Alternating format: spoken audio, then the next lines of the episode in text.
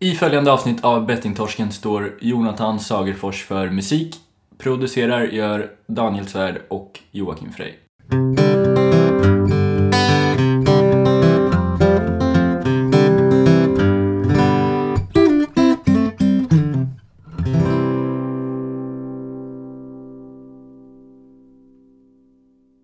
Hej och välkommen till Bettingtorsken avsnitt nummer 20. Yes. Ett litet... Eh, det är nolla 20, det är bra. Jubileum. Jubileum. Eh, vid min sida har jag Daniel här. Ja, just det. Hej. Ja, han gjorde en liten Hälsning. honnör här. Jag glömde att det inte var video. Vi har Nej. pratat om att vi ska göra video. Vi Ja, vi var exakt. igång redan. Men vi kom ju på att vi är fattiga speltorskar så att vi har inte investerat i någonting än. Eh, men eh, hur mår du? Eh, bra, bra. Eh, jag är eh, i yttersta toppform. Nej, jag är faktiskt, idag, i natt så eh, sov jag väldigt lite så jag är lite så här såsig idag. Men jag försöker nu att koppla på och eh, shapea upp mig. Mm. Men i stort mår jag bra, tack. Själv? Ehm, jo, eh, ja, jag är lite... Jag är lite, ehm, i, jag är lite trött på folk. Ja. Jag är trött på folk. Faktiskt.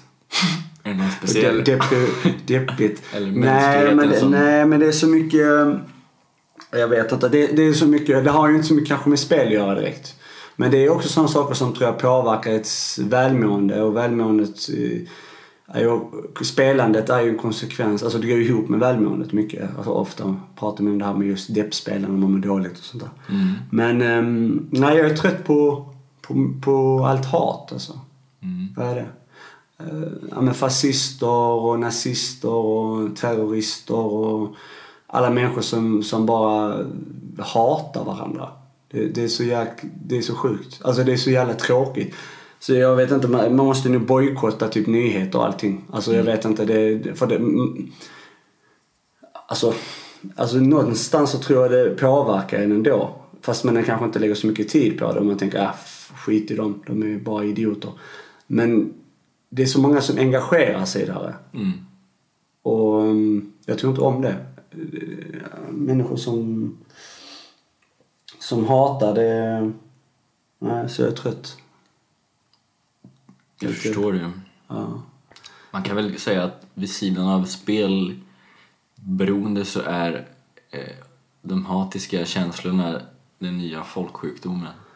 Ja. Det finns, eh, det finns väldigt mycket av det just nu. Men det är också ett världsläge ju som vi påverkar. Alltså, hela världen är ju väldigt orolig eh, mer än på ganska länge. Jo men alltså det är ju oroliga enligt fakta så, så händer det mindre brott och mindre krig och allt annat nu. Ja, än, vad det har gjort under i, i, i, i liksom årtionden. Men, men det är så här. Medien vill ju att vi ska gå omkring och må dåligt alltså tyvärr. Mm. Och det, det är alltid från alla nyhetstidningar som finns och tv-program och det är så mycket skit hela tiden Mm. eh, som skrivs. Eh, Du, du skulle ju, kom ihåg, du hade ju idé att skriva good news. Jag vet inte vad hände med det. Happy news. Happy news var det. Vad Eh, med Det skulle jag fan gått in och läst alltså. Alla hjältar istället. För det skriver de inte om. Alla människor som gör bra grejer. Nej men det blir, de, de, de, de artiklarna blir eh, eh, snarare än artiklar så blir det små notiser i, på sida 26 liksom ner till höger. Och det, ilskan blir ju, ja. Men det är ju så. Men, Men, men detta i sin tur leder ju lite till att man faktiskt vill bojkotta allt. Alltså man vill... Jag vet att jag var ju borta från sociala medier nu. Det var ju länge sedan. Eh, lite så här... Ja men man ville bara vara borta från det mm. några månader då. Så. Och det var ju skönt. Eh, men man vill ju verkligen bojkotta allting som har med både nyheter och sociala medier och allt. För att det, det är så mycket skit som skrivs och människor verkligen hatar varandra. Alltså här, vad fan, eh, gör någonting istället liksom. Försök, eh, jag vet inte. Det finns sätt att eh, istället för att hata försöka för, nej, förstå liksom. Men så går man omkring och försöker göra bra saker hela tiden eller så, här, så gott man kan och sen så märker man att människor är egoistiska, narcissistiska och liksom alla de här negativa sakerna så, så blir man bara trött alltså. Så nu är jag fan trött. På riktigt alltså. Så här, eh, på den nivån att man bara, jag, jag gör min grej som skiter i alla andra liksom. Mm. Typ såhär, fuck people. Men jag vet att det, det är bara onödigt. Men, men ja. Så att, Det är ju det du säger nu är intressant för det är det, är, det, är det som är det svåra att man... eh, Jag tror många tänker så här och jag har tänkt många gånger, jag kör mitt race, jag skiter i alla andra för det är så gör alla andra. Men det som egentligen behövs är att vi alla tar ett steg tillbaka så okej, jag gör inte allt utan att vi blir ett lag liksom. Att man samarbetar, tänker på andra, är snäll, extra snäll mot människor och sprider värmen då istället.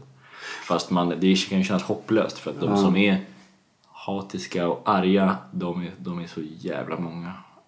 Alltså, så att, Ja, och de är på alla kanter och alla sidor. Eh, spelar ingen roll om det är religion eller politik eller om det är fotboll eller vad fan det är för någonting så, så är det alltid hat överallt liksom. Och, ehm, men jag känner igen det också i spelandet. För du vet när man spelar som mest destruktivt då var det verkligen en fuck livet. Jag skiter i vilket i alla fall. Så att man förstår ju att man kan gå med den här känslan nu och sen då falla väldigt enkelt in i spelandet. För att man känner sig så här, okej men jag, jag gör detta här, jag skiter i konsekvenserna. Det är så här.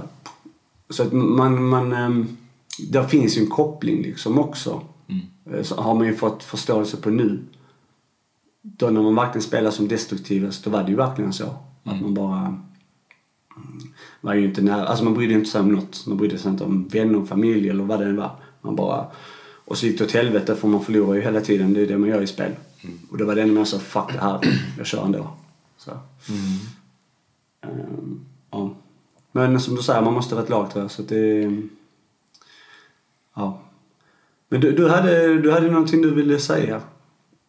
Eller? Mm, nej, inget konkret sådär. Jag vill fortsätta prata lite om mitt eh, spelsug.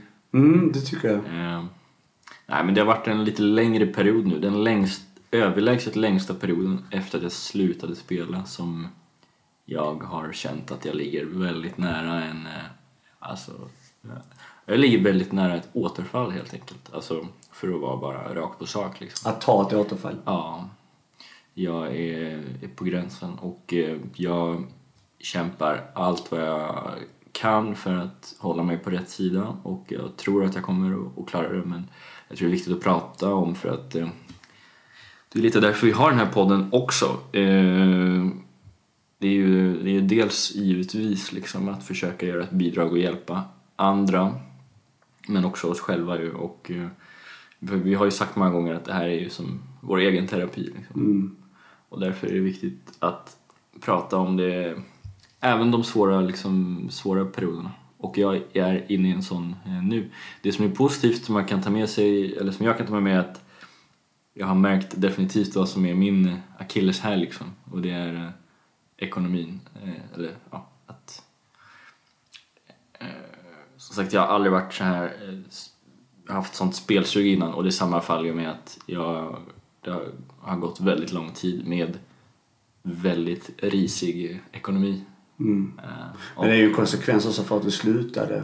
Mm. Alltså då har vi diskuterat. Eh, Ja, alltså, det det är precis. konsekvens för att du faktiskt slutade ditt förra jobb och Mm. eh, valde att gå och göra en KBT-behandling och eh, där var det ju en ekonomisk förlust för dig för Mm. att ja, du fick ju inga Ja pengar. men exakt. Jag visste ju om redan i april, eller typ ja, ja, slutet på april, att den här perioden skulle komma. Men den har varit jobbigare än vad jag har trott eh, faktiskt. Och, eh, ja, sen har jag mycket bra stöd eh, liksom, överallt med familj och, och från dig och från eh, Tommy då som jag har gått i behandling och det är alltid mycket positiva krafter också. Liksom.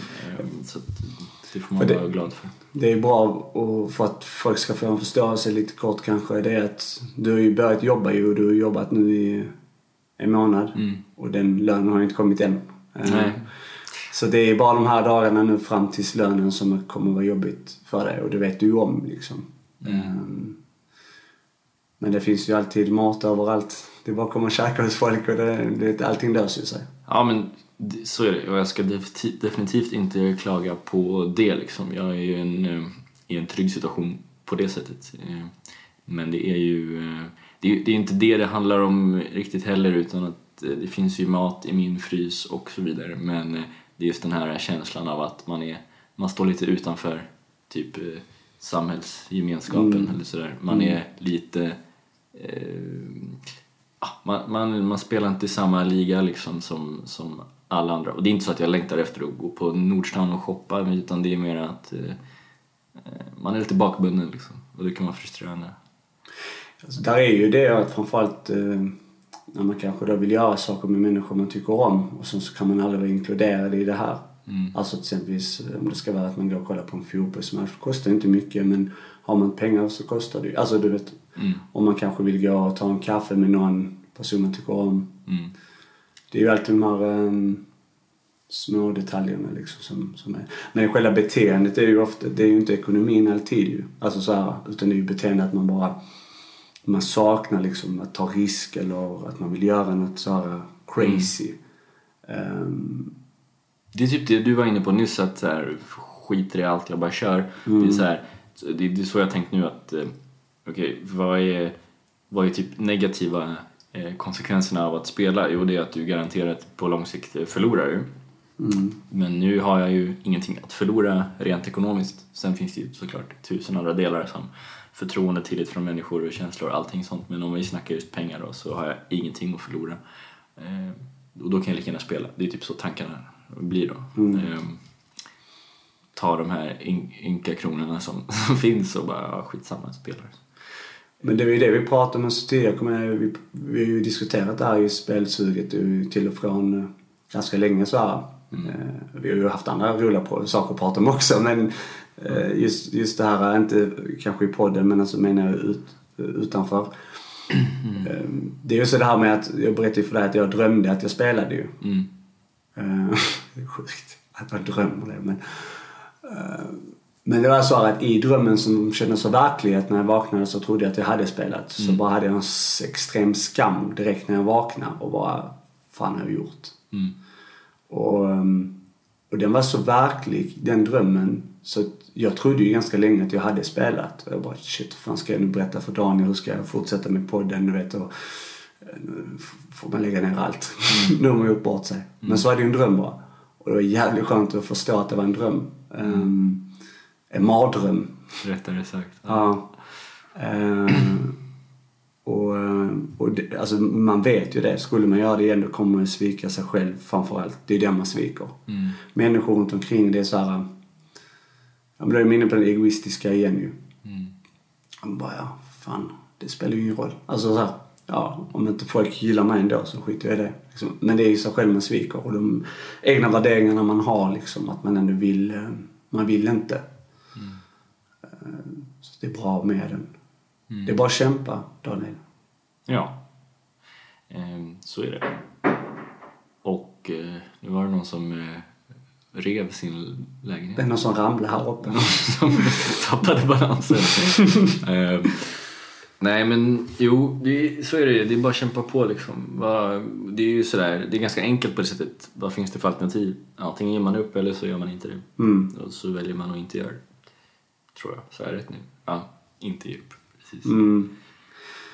Exakt. Det här är ju, men det är ju samma där, liksom, man- vet att skulle man spela lite så, Ja. så, så blir det fortfarande det är där, okej men nu har jag redan spelat, jag lippa fortsätta, då kan jag spela på samma sätt som jag gjorde innan. Alltså det är inte så att man, det är ungefär som en alkoholist liksom att um, han, han vet konsekvenserna, han vet hur han beter sig när han dricker, han, han beter sig dåligt, han är, han är ett dåligt omdöme för sig själv och för andra. Och då är jag borta från alkohol kanske som vi nu har varit borta från spel sen, sen mars då. Så blir det okej, man har inte druckit på så länge. Ska man då tänka, ja men en, en liten öl kan jag ta.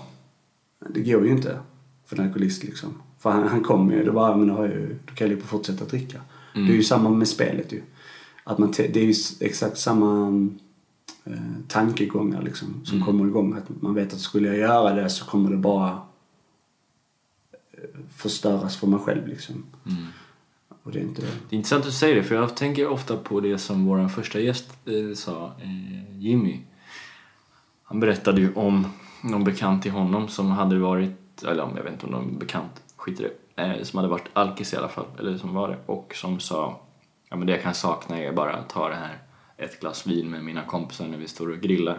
Så sa han ju då, eller vem som nu sa det, ja men det är inte det du, du saknar inte det, eller det är ingen idé att tänka på det för att det, du vill inte ha ett glas vin, du vill ha åtta glas. Exakt. Och sen några till. Och det är samma för oss liksom. Visst, ja, en, några matcher kan jag spela. Men man vill ju inte spela en, en bingolott. Nej. Man, för, det, för det vet man, ja, för det är ointressant. Men alltså, skulle man göra det, då vet man att okej, nu har jag redan spelat på en grej. Nu kan jag spela på det jag gjorde innan. Precis. På samma sätt. Principen är bruten liksom. Exakt. Ja. Så är det. Men, Eller, ja, det är en annan sak som jag vill ta. Vi, Mm. vi var ute och vevade mot, eh, eller du var ute och vevade mot um, Socialdemokraterna och deras kombilotteri. Alltså de sål, säljer det till, ehm, till folk som har Kronofogden och så här. Skuldsatta personer. de jag vevade så hårt men jag konstaterade att de gjorde det. Ja. Ja, men det är ju rätt. Med, all, med all rätt ju. Mm. Eh, Det är det jag vill lyfta igen. Ehm, nu med, och det är just det här att nu har ju Sverigedemokraterna varit ute och eh, fått godkännande att de ska starta något som heter Kronlotteriet. Mm. Tror jag det heter. Kronlotten. Och det är just för att finansiera, eh, för att de ska få in mer pengar inför valet. Mm. Alltså till deras val till nästa år då. Så att då vet man det, att köper man en lott från Kronlotteriet så, så stödjer de Sverigedemokraternas valkampanj då. Jag tycker det bara är så jävla sjukt att våra partier i Sverige ska bedriva spel Mm. för att då finansiera sin verksamhet. Mm. Alltså det är som att de ska sälja heroin Mm. till, till knarkare liksom. Bara för att de ska få mer pengar och att kunna bedriva sin, sin, sina pa- alltså politiska... Så det spelar ingen roll om det är liksom på ena kanten eller höger kan, eh, på den andra kanten. Det är, det är samma idioter, rent ut sagt, som håller på med att engagera sig i, i detta. Liksom, jag tycker det bara är fel. Mm. Så att eh, nu vevar vi på dem också, Sverigedemokraterna. Ja, men, eh, jag, nu har inte jag faktiskt eh, läst på jättemycket just deras, vad de själva har sagt men däremot så läste jag ju eh, sossarna vad de sa och de, de sa helt enkelt att eh, det är så här att pengarna vi får från, från eh, eller ja, bidragen vi får, de, det, det räcker inte. Mm. Och, och då kanske man, och när jag läste det så var min första tanke så här, ja, nej okej, men det var i alla fall en, de sa i alla fall som det var. Men så man tänker ett steg till så, okej, vänta lite, de, det finns många andra partier som uppenbarligen klarar sig fint utan eh, att sälja lotter. Vad är, är det då att Socialdemokraterna är usla på ekonomi eller vad är det frågan om?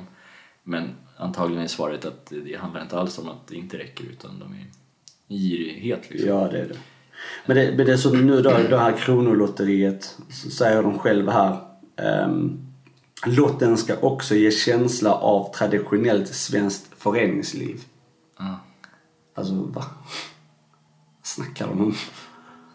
Eh, Det är bara att säga att de vill ha pengar för att de ska, för att de är giriga och att de, ja det, enkelt, punkt. Det var skönt hade det varit ändå, eller skönt men mycket bättre att läsa det liksom. Ja, exakt.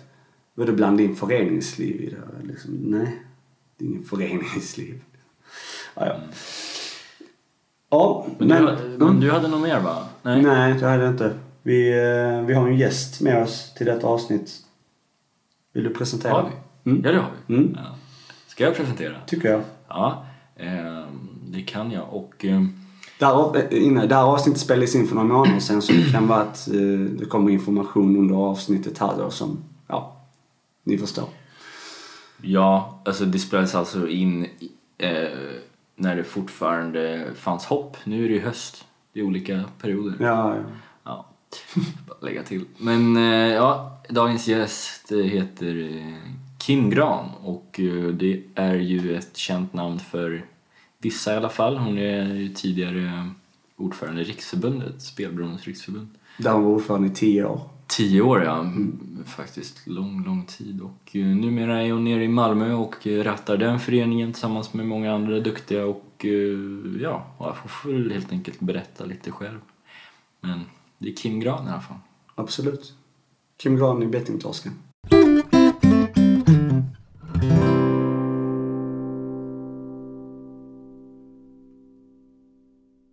Ja, då säger vi hej och välkomna som sagt till Bettingtorsken. Hej Kim, Hej! välkommen. Tack så mycket. Mm, Mår du bra? Ja, men jättebra. Absolut. Det har ju varit sommar och... Ja, härligt. Hur mår du Jocke? Jo då, jag mår bra. Ja. Eh, tillbaka nere i Malmö. Vi är här nere på en liten resa nu så det är skönt att komma ner och träffa Kim. Mm. Du ser stark ut idag, tycker jag. Jag är ganska stark Jag är idag. på hemmaplan. Ja. Ja, då blir man Då kommer starkare. självförtroendet Det är det. direkt. Ja, exakt. Det, så är det. Helt rätt. Hur är det med dig Daniel? Är det bra? Jo då, det är fint. Jag känner mig också nästan hemma i Malmö. Ja, det är Jag har varit mycket här. Du har blivit välkomnad med en falafel och, Ja, Ja. bra kaffe och så. och bra kaffe. Det bra.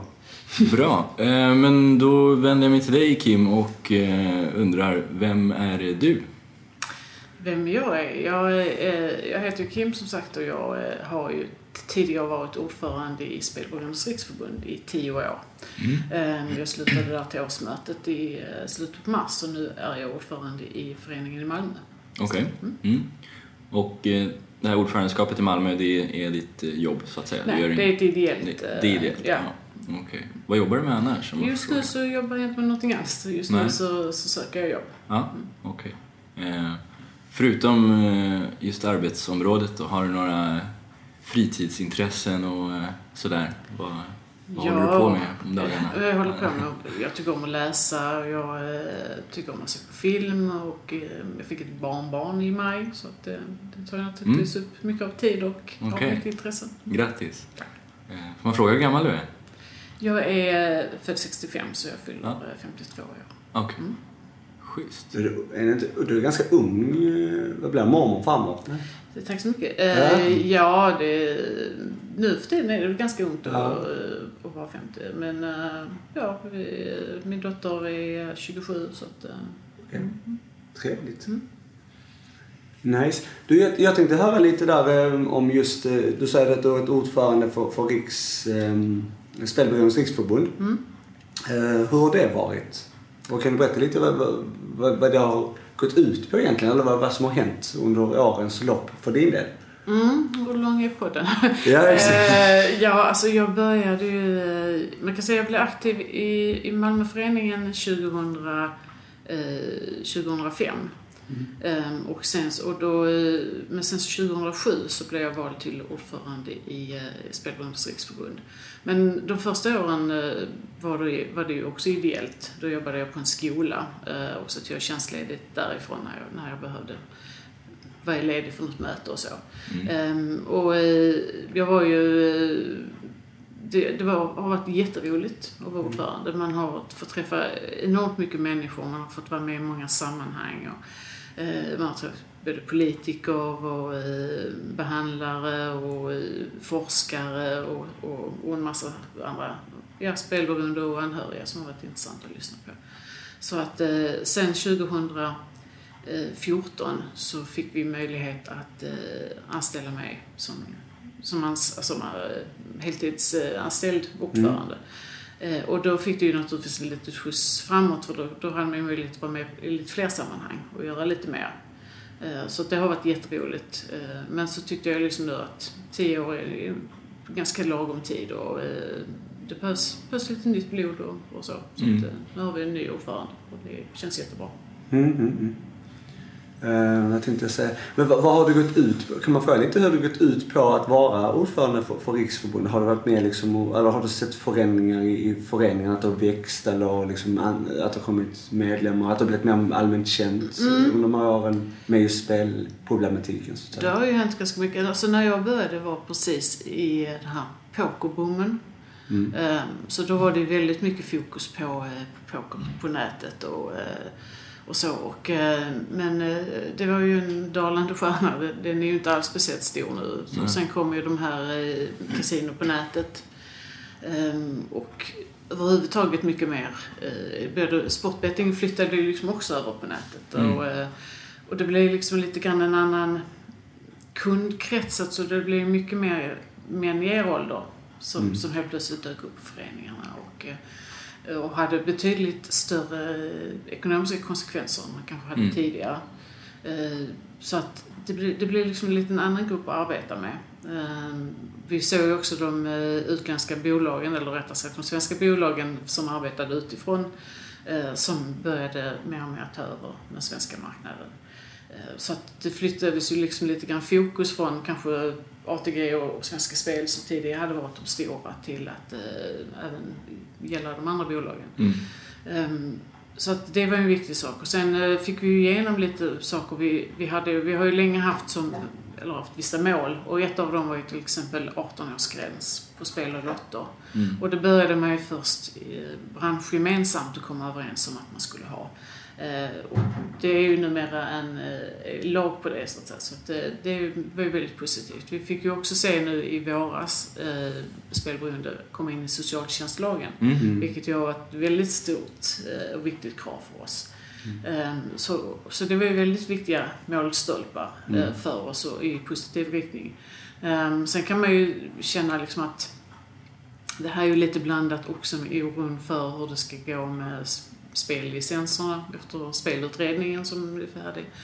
Eh, där, där man fortfarande känner en, eh, en oro för, för framtiden naturligtvis. Så Det är både sött och salt. Mm, mm. Jag måste bara eh, fråga snabbt därför att jag har vi har pratat om det i något tidigare avsnitt att jag minns att när jag började spela på då fram, främst sportbetting då, då var jag, hade jag inte fyllt 18. Men jag funderat på i efterhand om det var så att det var 18-årsgräns men att de bara struntade i det eller om det inte fanns någon. Och det här pratar vi alltså kanske 2004, 3 kanske sådär. Mm. Eh, var men då, Då, var det ingen gräns? eller? ingen... eh, Så det bör väl i och för sig ha varit på spel, tror jag. Jag är inte helt Ja. säker på det. Men eh, det kan ju också ha varit... Spelade du hos ombud då? På Ja, den här lokala matbutiken, Mm, ja. eller Lången och sådana här Och saker. de ska ju ha utbildning och annat, men det är ju klart Mm. att det, det, det fanns ju även oseriösa Mm, ombud. Det finns ju fortfarande oseriösa ombud. Ja. Så att, eh, mm. mm, okej. Ja. Ehm, du har ju pratat eh, ganska mycket om eh, eh, spelreklamen i olika artiklar Mm. och sådär. Vill du bara resonera lite grann kring det, din liksom, ståndpunkt och ja, hur du tycker att den marknaden ser ut och vad man skulle behöva göra åt det liksom? Så det är ju ofta så att när, när man var, satt som ordförande och eh, när man pratade med, med folk, även folk som, som inte alls hade med det här att göra, att man, man var på någon fest eller träffade någon. Så det som oftast kom upp var ju att folk sa att det är så mycket reklam. Mm. Man kan ju inte slå på TVn utan att det är reklam och på radio och på nätet. Och, och många tyckte ju också väldigt illa om de här som eh, ser ut som en eh, artikel men i själva verket är en reklam. Ja. Ehm, Så att folk reagerar ju på det. Det är ju helt klart. Och, eh, jag kan, och vi tycker ju också att det är både oseriös reklam många gånger och alldeles för mycket reklam. Mm. Eh, och inte minst så, de här eh, bonussystemen. Dels naturligtvis de här bonusen som de lovar ut i den vanliga reklamen. Men eh, det som är nästan mer allvarligt det är ju det som riktar sig till spelaren. Eh, och även ibland tyvärr till spelare som har stängt av sig. Mm. Eh, där, där man liksom tycker att ja, men nu har vi inte sett er på länge. Eh, och här får du 300 kronor att spela för. Och, och, eller du har spelat så mycket så att du kan få en eh, matchbiljett. Och, Mm, och så. mm. Så de är mycket svårare att ta sig ur, eller så att säga stänga av. Mm. De som är liksom riktade, speciellt om de ringer eller om de skick- skickar liksom ett sms.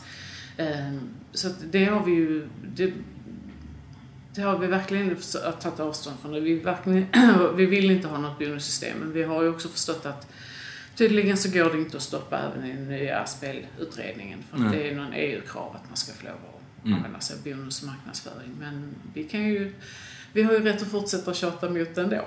Mm. För vi tycker att det är ett allvarligt problem. Mm. Det är ju lite fegt att ge sig på alltså folk som har problem med spel till exempel som du har stängt av sig. Det har de gjort av en anledning. Jag har ju utsatts för det själv och det har vi pratat om tidigare avsnitt också. Att de har hört av sig för att de vill att man ska spela och lägga in bonusar så precis som du säger. Eh, För att likställa det för att folk ska förstå det tydligare. Det är ju, det är ju liksom som att en som är alkoholist som då blivit nykter. Det är som att någon går och bara här har du en flaska. Du får den gratis liksom. Eh, och så har han en skylt att han säljer själv sprit. sen. Mm, Så mm. det, det är liksom så eh, Ja, det är fegt att ge sig på um, folk. Eh, så det, den Mm. kampen måste fortsätta. Alltså. Det, Ja, och du menar om du kommer in på ett systembolag så är det, ju aldrig, det är väl aldrig så att personalen säger att men du har köpt så mycket öl nu här på sistone så du ska få en extra sexpack av den här nya ölen som vi vill liksom bjuda på. Jag har i alla fall aldrig varit med nej, Så nej. nej. Ehm, och, och det här kan ju vara liksom, det här kan ju bero på Dels kan det bero på att man helt enkelt bara struntar i att folk har stängt av sig. Det är ju det allvarligaste naturligtvis. Sen kan det också bero på att man, man köper upp företag och säljer och man slår ihop sig så helt plötsligt de här avstängningsregisterna de har försvunnit någonstans på vägen. Mm. Det kan också vara så att eh, tack vare den här eh, alltså, PUL-lagarna, att man inte får lov att spara register, så, så får man inte spara dem hur länge som helst. Och om man då går in och tecknar sig för ett Lindex-kort till exempel och kryssar ner längst ner där att man godkänner att de får lov att sälja ens adress vidare. Då kan man ju hamna i de här eh, registren igen. Mm. Mm. Eh, så att eh, det finns ju många sätt som, som man kan falla tillbaka igen i de här eh, spelregistren. Så, så det gäller att vara noga när man tecknar avtal helt enkelt. Absolut. Mm. Det är ju inte många som läser det här. Det gör Finns inte jag det heller med. Nej, Det du sa i början om, om reklamen där med eh, smygartiklarna eller vad man ska kalla det, det tycker jag har ökat mycket. Eller, jag läser nästan alltid Metro när jag åker spårvagn i Göteborg och sådär och då är det ju, upplever jag i alla fall kanske liksom fel men, men nästan dagligen ett stort uppslag som till och med jag ibland går på så att säga även om jag är härdad. Ja. Ja, det här, vad är det? Ja, så ser man att det är någon. Antingen är det någon långivare eller då spel. Sådär. Det, Det, finns tydligen på radio också har jag förstått att det är en del som Mm. låter som ett reportage och sen så Ja. säger de precis i slutet Ja. eller så att, eh, mm. Absolut.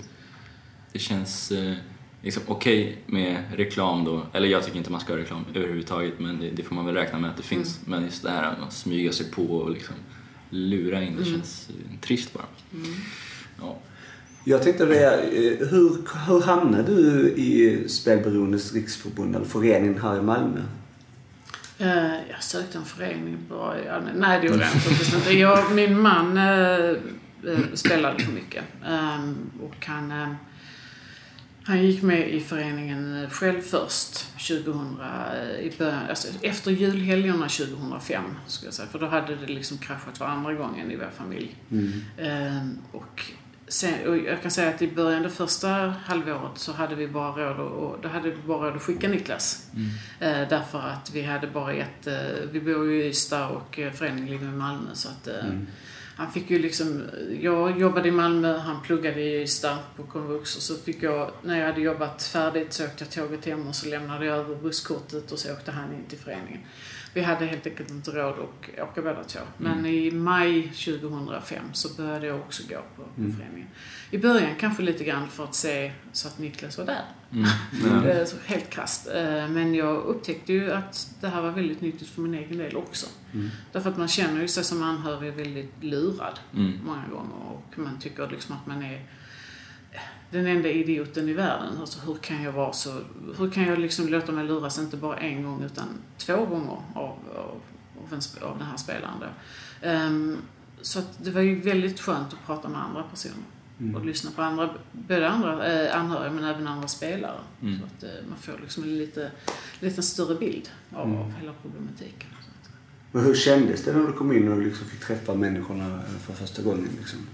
Om du minns det. Mm. Det är väldigt många år sedan. Ehm, det kändes väldigt skönt. Jag var ju väldigt nervös när jag skulle dit naturligtvis. För jag tänkte, vad är det här för någonting? Man ser framför sig sådana här, man har sett på, på filmer liksom, eh, AA-möten, Mm. stora möten och folk sitter liksom i långa rader eller håller varandra i handen. Men det var ju inte alls så, eh, naturligtvis. Och- Och jag, det jag tyckte var väldigt skönt var ju att från att men så här, i vår bekantskapskrets och vår familj så var det kanske just då lite ansträngt gentemot min man. Eh, folk tyckte liksom att han hade betett sig eh, fel mot mig och, gjort fel mot familjen. Så att, eh, men när, han, när vi kom hit här, då var han ju liksom som en av alla andra. Mm. folk behandlade honom så som jag var van vid att, att han brukar bli behandlad. Mm. Det kändes alltså, som om man kom till ett ställe där, där det var mer normalt. Och man kunde även prata om efter ett par gånger när man hade liksom berättat sin historia så behövde man inte dra sin historia varje gång man skulle ta upp ett problem. Utan man kunde liksom börja här och nu, där man var just då. Mm. Eh, Därför att om man skulle berätta för någon ny annan bekantskap då fick man ju dra hela historien. Mm. Och så fick man ju först liksom förklara varför det hade blivit så och, och deras förfäran fick man liksom eh, tackla. Och, men när man kom hit här så var vi på något vis allihopa i samma båt. Så Mm. man kunde liksom gå direkt på, på pudelns kärna. Mm. Och det tyckte jag var väldigt skönt. Mm. Det du beskriver tror jag är någonting som många relaterar till och det är bra ju fler som säger det för Mm. att det är säkert många anhöriga som, kanske vissa till och med lyssnar på det här, men eh, överhuvudtaget som, är, som tvekar liksom att man inte Mm. vill kanske ta tag i, i problemen eller man vill inte kännas vid det liksom. Men eh, det låter som att du ändå rekommenderar att ta sig till Absolut, föreningen. absolut. Mm. Och man, man, eh, det är ju också så att mycket rör ju sig av naturliga skäl runt spelaren. Mm. Eh, Alla andra kontakter man tar har ju med spelaren att göra om, om, han, ska in, eller han eller hon ska in på någon behandling till exempel eller just ekonomiskt och allting. Eh, Så att det kan vara väldigt skönt att få prata om sig själv Mm. någon gång också. Exakt. Så att, mm. Ja.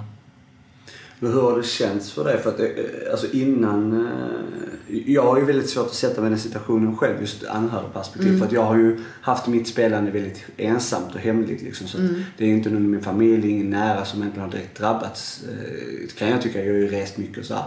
Men, men man har ju mött många människor, framförallt i den här miljön då. Ja, och du... Uh, ja, för mig är det så att det där är ju helt främmande också. Men hur har du känt eh, gentemot eh, ja, din man, alltså med tillitsproblem och allt det där som var innan du kom hit? Har det Mm. liksom förändrats eller hur har du? Eh, Ja, det här med tilliten är ju, är ju det som är det svåra. Mm. Eh, Många som kommer hit tycker kanske att just den ekonomiska biten är det svåra, för det är det man sitter i just då. Men, men ekonomi kan man ju alltid, det, det reder sig så småningom. Men tilliten är ju det som tar tid. Eh, och det tar ju tid oavsett om man kommer hit eller inte kommer hit. Men jag tror att det som skiljer är att om, om man söker hjälp här eller söker hjälp någon annanstans hos någon kurator eller par eh, eh, hjälpen och så, så, så är det att man kan ju få lite verktyg på hur man ska kontrollera det här, hur man ska Mm. hantera den här oron och det här eh, att man är rädd för att bli sviken igen eller Mm. lurad igen. Att man på något vis får eh, lite grann, alltså man, man, man kan tänka att eh, mitt liv är inte helt upp, kan inte vara helt upphängt på den här spelaren. Mm. Alltså jag måste hitta nå- någonstans där jag kan vara själv. Mm. Mm. Alltså oavsett om min man tar ett återfall eller inte så måste jag leva vidare. Och hur ska jag så att säga kunna, kunna liksom ha en framtidsvision själv? Mm. Därför att i början när folk kommer här och är anhöriga så är det ju oftast att det, ja, allting kommer att vara jättebra bara min man inte, eller min fru inte får ett återfall. Mm. Eh, Men man kan ju inte leva så i längden. Man kan ju inte leva och gå och hålla andan. Och, och liksom hoppas. Utan man måste ju ha en strategi för sig själv. Precis. Mm. Mm. Och det har hjälpt sig känner du alltså, i och med att du har kommit hit också Ja. då? Ja. ja. Det är bra. Mm. Det är tips till alla. Gå hit om inte ni har gjort det. Ja, för att man, man träffar folk som har kommit lite längre. På, Ja. eh, när- man är ny så kommer, eh, träffar man folk som har kommit lite längre på sin resa som kan berätta hur de har gjort och hur de har tänkt. Och då kan man få lite grann tips och Mm. idéer om hur man själv ska... Ja, ja, jag har ju märkt just på, på någon förening där som har varit på, eh, framförallt i Göteborg, så har man ju träffat anhöriga som är där fast de är inte tillsammans med Mm. sitt ex. Eller, då, Mm, mm. Men där finns fortfarande, men de är fortfarande ändå för sin egen del. Mm, precis. Eh, Det tycker jag är bra. Alltså, det är ju ändå en påminnelse för sig själv liksom.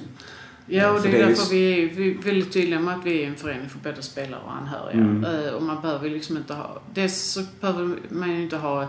Man behöver inte ens leva, man kan ju vara kompis med, med någon som spelar. Mm. Det behöver inte vara att man är, med, att man är släkt eller så. Mm. Eller man bor tillsammans med någon. Utan, och det kan ju också vara, som du var inne lite grann på, det, spelaren har kanske inte själv förstått att den har problem. Mm. Men det gör ju inte ditt eget problem mindre. Utan Mm. snarare kanske ännu värre. Och då behöver du verkligen någon att prata med. Och, och hur ska jag göra nu? Och hur ska jag säkra upp mina egna pengar och mitt eget liv och min egen, mitt eget välmående? Mm. Ja, för man får extremt mycket tips Mm. här på föreningen, både som anhörig och som spelare såklart också då. För jag har ju fått väldigt mycket tips, men man hör ju det också hur eh, man kan tänka liksom som en Mm. anhörig för att liksom skydda sig själv också. Mm. Så, ja. Jag hade med min eh, syster för första gången eh, på förening. Jag har gått sedan mars ungefär i Mm. Göteborg.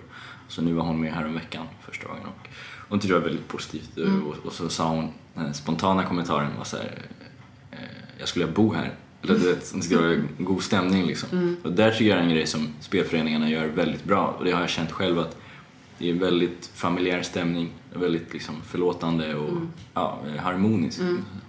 Eh, Så att jag känner för egen del att även om jag någon dag skulle känna mig helt lugn med mitt spelande behöver, skulle jag nog gå dit ändå bara för umgänget. Liksom. Ta en kaffe. Jo, man behöver den här lite vaccineringen också. Ja. faktiskt. Man behöver träffa folk som är i en sämre situation och Ja. tänka att här, som spelare då, att så här vill jag inte må igen. Mm. Eh, Därför det är lätt att glömma bort hur Mm. dåligt man mådde. Eh, Och det som sa vi, den här eh, trevliga stämningen, den, den känner jag liksom, och den känner man väldigt tydligt och, och väldigt eh, Redan efter ett par gånger känner man sig väldigt hemma. Ja.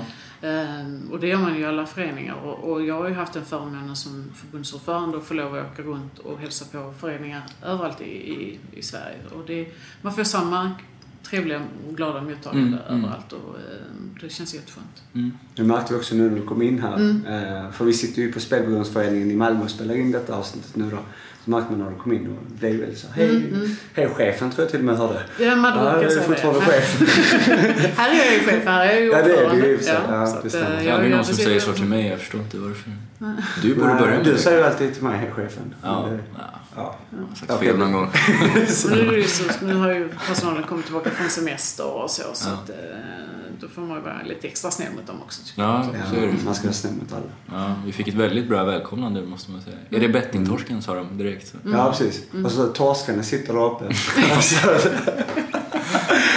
Ja, visst, men det är härligt. Men det det är rakt på sak här nere i Malmö. Det gillar jag. Ja. Krusiduller. Det är krusiduller. Eh, jag är ju intresserad av spel och eh, fotboll. Eh, tyvärr, en dålig kombo. Men då har jag lagt märke till att eh, du har varit ganska kritisk mot eh, den här värvningen, eller vad man ska kalla det, som pågår på arenor runt om i, kanske speciellt på fotbollsallsvenskan. Mm. Eh, vill du berätta lite om det? Vad, eh, Du tänker på alltså att man säljer... eh, Ja, eller att de, de står ju i... eh, De har ju, smäller upp en monter på i alla fall kanske de stora matcherna i Stockholm och så Mm, vidare, mm. även här nere i Mm. Malmö. Och eh, ja, men lockar in folk och Mm. skaffar spelkort och ska Mm. du inte göra det här och det här. Och så. Det Ja. hänger lite ihop med reklamen men jag tänkte bara det har varit intressant att höra vad du har att säga om just den specifika, för det är en ganska, ganska aggressiv form kan Mm. man ju känna. Nu kan ju inte jag eh, själv sådär väldigt mycket fotboll, men jag har ju Mm. väldigt mycket vänner och det, det är ju så att det är ju liksom ett tips av en, eh, en, en kompis dotter som, Mm. som går väldigt mycket på match Mm. som, som liksom sa det här kan väl inte stämma Kim, så här ska det väl inte vara. Nej. Eh, och så jag har ju tagit kontakt med, med Svenska Spel. Jag tycker väl inte riktigt att jag har fått något riktigt uttömmande svar därifrån. Utan det är väl liksom att det är, det är mer upp till varje ombud Mm. och så om, de, om hur de vill lägga upp sin marknadsföring och hur de vill Mm. göra och så. så eh, men ehm, det är ju alltid svårare att välja. Det är ju, om man ska gå in och söka att eh, antingen ringa eller gå in till ett ombud och, eh, och skaffa ett spelkort. Då är det ju liksom på något vis något, e- ett eget val. Man, man Mm. går själv in Mm. på, hos Tubaken när man känner liksom, ja men jag är redo för att ha det här kortet. Mm. Men om man liksom blir ertappad av försäljare som står liksom och, och nästan drar in en, då har man mycket svårare att värja sig emot det. Då är det liksom inte riktigt ens eget val längre, utan Mm. man blir liksom indragen i någonting. Så det, är väl, det är väl det jag tycker liksom att man, man, ska, man ska få lov att göra det valet själv, när man Mm. känner att, att man, man vill göra det. Ja, jag tycker det är väldigt problematiskt på grund av att eh, för egen del så har jag haft lite grann som ett mål att kunna gå på fotboll och njuta av fotbollen och slippa tänka på spel. Mm. Eh, så att jag har spelat fotboll sedan jag var fyra år eller någonting. Det, Mm. det, det intresset kommer först liksom, inte spelandet. Och då är det ju, det blir ju svårare och svårare. Mm. Dels det här då, men sen också är ju på läktaren ständigt, eh, nu står det 1-0, här är oddset för det och så vidare. Mm. Så att, vem eh, gör första hörnan och vem... Mm. Mm, det, Att de ropar ut till alla ju. Så. Ja, jag menar förr var det ju när, eh, jag vet när, min man spelade, började spela och då var det ju att man lämnade in en stryktipsrad Mm. och sen var det bra med det. Mm. Alltså, och, och om man valde att inte göra det så, så, så var det ju liksom för sent sen. Alltså, du kunde ju inte, blev inte hela tiden påminn om att men du kan ju fortfarande spela. Mhm. Alltså så. Mm. Utan eh, om man väl var duktig nog liksom och, och låta bli att spela så, så kunde man ju liksom på något vis slappna av. Mm. Det kan du inte idag. Nej. Du har hela tiden en ny chans och en ny chans och en ny chans. Mm, Så, mm. Och jag förstår ju det. Alltså, många har ju börjat med den här bettingen, har man ju börjat i ett sportintresse. Mm. Och man vill ju klart inte släppa det. Man vill ju fortfarande kunna titta på fotboll. Mm. Fast man inte spelar. Så. Mm. Ja, det är ju vanligt, där har vi pratat om mycket att de flesta som jag tror både du och jag känner som eh, också har eh, hamnat i problem kommer från idrottsbakgrund. Liksom, att de själv spelar. Ja. Ja, som fallet ett stort, stort intresse. Man Mm. kanske inte själv behöver tävla alla. Nej, nej. Men men just att det, det finns ett väldigt stort intresse av just idrotten och det behöver Mm. inte bara vara fotboll, det kan vara ishockey och Ja, ja, ma- massa andra. Men vi hade ju väldigt intressant diskussioner innan vi, vi körde igång. Inte vi tre då, utan vi och, och jag vet inte om han hette... Mikael. Mikael. Mm. Om just, ehm, jag drar lite snabbt faktiskt, men just det här med, med det var ju friidrotts-VM här nu för, för ett tag sedan tillbaka. Och jag har verkligen älskat friidrott förr, minns jag. Men så har det varit en grå dimma under så många år. Eh, och det är väl av just friidrott, för jag har inte kollat på det. Eh, och ehm, det är av den anledningen att jag har aldrig spelat på det. Mm. Och det är så sorgligt. För att då har ju det försvunnit den sporten. Och sen nu när man då har, då har slutat spela så har jag kollat på TVn och så har jag fastnat. Och då har jag suttit alltså i timmar och kollat på friidrott och verkligen tyckt om det igen. Och det är helt otroligt att det verkligen är så. Alltså att spelet har sån kraft.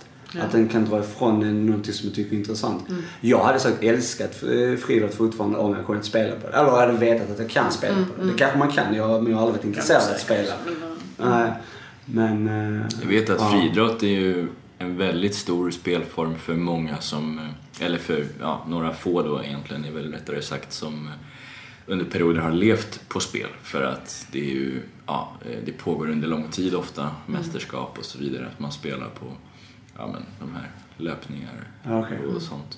Jag minns när du smsade för eh, några veckor sedan här på kvällen plötsligt. Ja, ja, eh, ja. Ja, friidrotts-VM, det är härligt. Jag hade ingen aning om att, att han... men du Ja, har kanske inte ens tänkt på att, att du har saknat det förrän... Ja, men det var ju det. Det har ju liksom försvunnit som du sa då. Det, det Exakt. liksom- Vi har jag känt varandra Jag sprang ju jättemycket när vi var yngre och stafett tyckte jag var jättekul. Det var Lagsport också. Jag spel- tävlade ju när vi var yngre i, i Ja. skolan. Så. Ja. Eh, ja. Men vi har känt varandra i 6-7 år eller någonting sånt. Ja, Aldrig ja. hört ett ord om Nej. friidrott. Var kommer det härifrån? ja, men det är bara så Usain Bolt liksom. Att man, eh, jag har snackat om han liksom. Så, Mm. eller man vet. Men, men eh, ja, nej. Det är vilken kraft den har. Att den kan ta ifrån en. eh, Och det är ju just det när man ska sluta spela sedan så, så är man ju rädd också att, att det ska försvinna.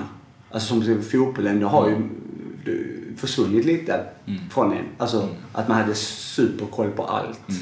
Egentligen. Och visste varenda lag och vilka spelare de hade. Och, alltså det var ju liksom professor i, i skador och alla möjliga grejer som fanns.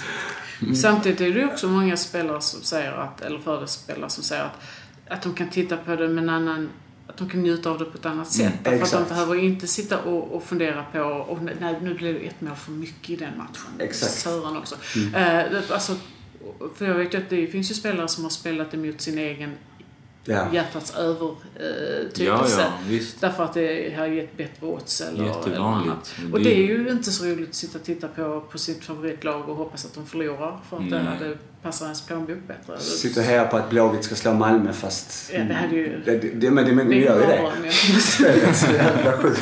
Nej, men, men det där är också, det är många som, eh, det är ju hemskt egentligen, men det är många som tycker det till och med är bra, som jag har hört. Alltså, tänker så här, ja men det är ju perfekt, antingen så vinner mitt favoritlag och då är jag glad, eller så vinner jag pengar och då är jag också glad. Perfekt, men nej, det är Nej. inget bra. Nej, det är inget men, men jag har själv tänkt de där tankarna liksom. Att, ja. Men man njuter ju av fotbollen nu, så, så, som Mm, du säger, eh, när man har slutat, att man kan se en match. Och en hel match. Mm. Och inte distraheras av eh, mobilen för att man ska kolla 17 andra matcher som Mm. man inte bryr sig om. För att man ska se resultatet är. Ja men det, det är ju så är det ju. Man kan Mm. njuta av, matchen. Liksom. Det enda gången det är ju liksom nu, det är ju slutet på omgången när man måste börja koncentrera sig på de andra matcherna. För att, Mm. för att det ska ja, passa ihop mot slutet. Men annars så, så kan man ju som sagt njuta av Ja, en match i, i taget. exakt. Mm. Ehm, Jag har en, eh, en fråga som eh, är viktig tycker jag, men jag ska bara vika in med en annan snabb först. Innan, innan eh, du upptäckte då din mans problem, hur, hade du någon form av spelande? Alltså gick du och köpte en triss ibland eller höll på sådär? Eh, Och i så fall är det någonting som du helt har Stryk? Eh, ja, alltså jag spelade. Alltså, jag tog en triss någon Mm. gång och eh, när, min man han spelade på hästar. Mm. Eh, och eftersom han tittade på hästar både på onsdagar och på lördagar. På onsdagar var det ju eh, Sven Melander och Benny Haag hade något sånt här program. Så de var lite roliga och så, så gick det någon, någon eh, sprang hästarna då. Och så på lördagar var det ju liksom nästan hela eftermiddagen. Mm. Och för att man liksom skulle ha någon glädje av det själv så hände det ju att jag spelade på hästar också för att Mm. liksom ha min egen lilla rad att titta på. Så det gjorde jag ju. Det, och, och det hände ju att vi spelade Bingolotto då när det var nytt Ja. och, och, eh, och spännande med barnen och så. Eh, idag så spelar jag liksom inte på någonting och det, det är ju inte så att jag inte hade kunnat för jag menar jag är ju liksom anhörig, jag har ju inte lovat någon att inte spela men men eh, jag har liksom inget, inget, inget intresse av det längre. Nej. Alltså jag, jag känner liksom inte... Hade jag fått en trisslott i födelsedagspresent så hade jag väl skapat den men jag hade inte gått in och köpt den själv. Nej. Eh, och jag kan ju fortfarande... Jag tar ju lotter ibland på, på eh, tivoli och så. Mm. För att försöka vinna en chokladkartong. Eh. Men eh, ja, jag har aldrig varit så intresserad så det känns inte som en uppoffring heller. Eh, monopolet ska vi prata lite om. Mm. Där har du varit tydlig med att eh, det vill du ha kvar. Det hade jag ju absolut velat ha. Jag, tyvärr så, så tror jag inte att det är möjligt. Men Nej. det hade absolut eh, Men varit det som varför- jag hade velat. Ja, varför är det bra, tycker du? Eller varför borde vi ha kvar monopolet? Därför att det är ju... Eh, jag tycker ju ändå att om, om det är någonting som ligger under staten, precis som eh, vin och sprit och alltså Mm. så, så kan man ha en lite, liten annan kontroll på det. Eh, när det blir väldigt många andra intressenter som har aktieägare och annat, då blir det mycket svårare att eh, kontrollera hur de sköter sitt spelansvar och Mm. vart vinsterna går och eh, så att allting sköts schysst och ordentligt. Så att, eh, Mm. det känns ju lite som att ju fler kockar desto sämre soppa på något Mm, vis. mm. Så att, jag hade tyckt att det var det bästa om det hade, om det hade fungerat att ha kvar ett monopol. Men idag är det ju inte så i, i realiteten. För idag Nej. finns ju redan de andra bolagen Mm. på marknaden. Även om de inte får lov att vara på marknaden. Mm. Så att eh, på något vis så, så, så blir, jag tror det blir svårt. Jag vet att Fi- Finland har ju valt en annan väg. De har ju Mm. behållit sitt monopol.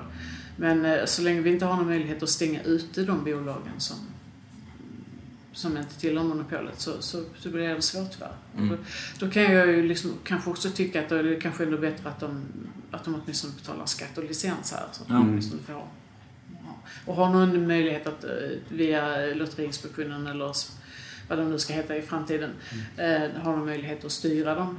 Så. Mm. Men eh, ja, man får väl... Eh, det är väl pest eller kolera på något Mm. vis. Ja. Så är du för licenserna liksom? Att pengarna Ja. stannar, eller att det är någonting som är kvar i, i Sverige? Pengarna ja, alltså jag... jag eh, jag kan säga så hade det varit, hade du ställt den här frågan för, för sju år sedan så hade jag liksom sagt att eh, absolut inte några licenser. Mm. Idag kan jag eh, inte säga att vi kan klara oss utan det. Nej. Det är väl, det är väl snarare så. Mm. Sen kommer ju problemet fortfarande att kvarstå att det kommer fortfarande vara en massa bolag som ligger utanför licenssystemet. Så vi kommer ju inte riktigt eh, ha, ha nått hela vägen fram förrän vi kan stänga dem ute. Sen har ju de, de här spelbolagen som, som gärna vill ha licenser här och som har lobbat för att få licenser här. Eh, de har ju en massa idéer om hur man ska kunna stänga dem ute. Fast jag vet inte riktigt om de är realistiska. Mm. De har ju bland annat en idé om att om, om de kan säga till eh, till exempel Aftonbladet och Expressen att eh, om ni tar in annonser från de oreglerade då kommer inte vi annon- annonsera hos Mm. er. Mm. Mm. Och så menar man att det kommer att vara en så, så eh, stark liksom, eh, så starkt argument. Så Mm. att, eh, men jag har ju pratat med, suttit i paneldebatter där Aftonbladet och Expressen har varit med och de håller ju inte med. De, de säger att men det kan ni inte kräva. Vi tar in annonser från vem vi vill. Mm. Ni har ingen mandat att säga till oss vad vi ska sälja annonser, eller vem vi ska sälja annonser till. Så då, då fungerar ju inte det. Så att jag vet ju inte riktigt hur vi ska göra för att stänga ut det. Men tror inte du lite så det beror på att om de ska då betala licens och avgifter och skatter här, att de kommer ju också betala mindre marknadsföring då? Det hoppas vi. I alla Ja. fall att det ska bli mindre pengar över till och att de inte ska känna att de behöver det. Mm. Men sen är det ju samtidigt så att om det kommer kanske bolag som då inte har licens här och, och börjar annonsera. Mm. Då måste de ju ändå bemöta det på något vis. Så att, eh, mm. Jag vet inte hur, hur vi ligger till med tid och sådär. Har du stenkoll på det? Uh, ja, jag har bra koll. Uh, Mm. Jag tänkte att vi kan väl... eh, vi brukar ställa två olika frågor här nu i slutet då. Mm. Eh, och uh, ena frågan är vad har du för spännande planer framöver nu? Eh, om det finns, det behöver inte vara spännande heller. Nej, nej, eh, nej, men det är ju som sagt att jag eh, hoppas ju att jag kommer få ett väldigt spännande jobb så småningom som jag kan, eh, där jag, och jag ser fram emot att fortsätta jobba med föreningen här i Malmö. För att det är ju lite andra frågor man jobbar med på lokal plan. Mm. Eh, vi har ju mycket samarbete i, med Region Skåne till exempel så hoppas att, att vi kan starta lite nya föreningar eh, och att vi kan utveckla vår verksamhet här. Så att, eh, Mm. det, ska bli jättekul och det, det är alltid kul med ett, med ett nytt uppdrag. Man, man eh, brinner ju väldigt mycket liksom i början och har Mm. tusen idéer. Så att, eh, Men det kommer hända lite mer nu också med lagändringar och så här, Absolut. förhoppningsvis. mm. Mm. Så att, eh, och vi har ju haft, jag hade ett möte i helgen med övriga föreningar och eh, förbundsstyrelsen. Och, och det är ju mycket att ta, ta itu med nu. Och vi, hur ska vi ställa oss när, när, när, när det kommer till socialtjänstlagen? Vad blir vår roll Mm. i det hela till exempel? Hur kan vi hjälpa kommuner eh, med den här frågan? Och, och så, så, att, eh, mm, så det blir mycket spännande som händer i höst. Ja. Jag, jag tycker vi måste passa på bara och göra lite reklam också för den här lokalen. Mm. Det är alltså Spelberoendes förening på, var är vi någonstans? Olof Eh, Palmes Folkets, gata. Folkets hus. Eh, jag är ju för Olof Palmes... eh, Plats, Plats, eller. Nobeltorget tror jag de flesta känner Nobel- till. Ja, Folkets hus är det i alla fall. Ja. Det är ju mitt i, i stan. Det är ju suveränt läge. Och hit kan spelare och anhöriga komma i tisdagar, torsdagar ni kör va? Eh, Vi har inte börjat riktigt med torsdagar ännu för vi Nej, har okej. haft det ner under sommaren. Mm. Men, men tisdagar i alla fall. Och man kan komma redan klockan sex och ta en kopp kaffe och, Mm. och, och lugna ner sig lite efter jobb eller om man har varit. Och sen så börjar själva mötet halv sju och Mm. varar till åtta. Mm. Man, eh, och det är som sagt öppet för både spelare och anhöriga. Man behöver inte anmäla innan utan det är bara att, att ramla in.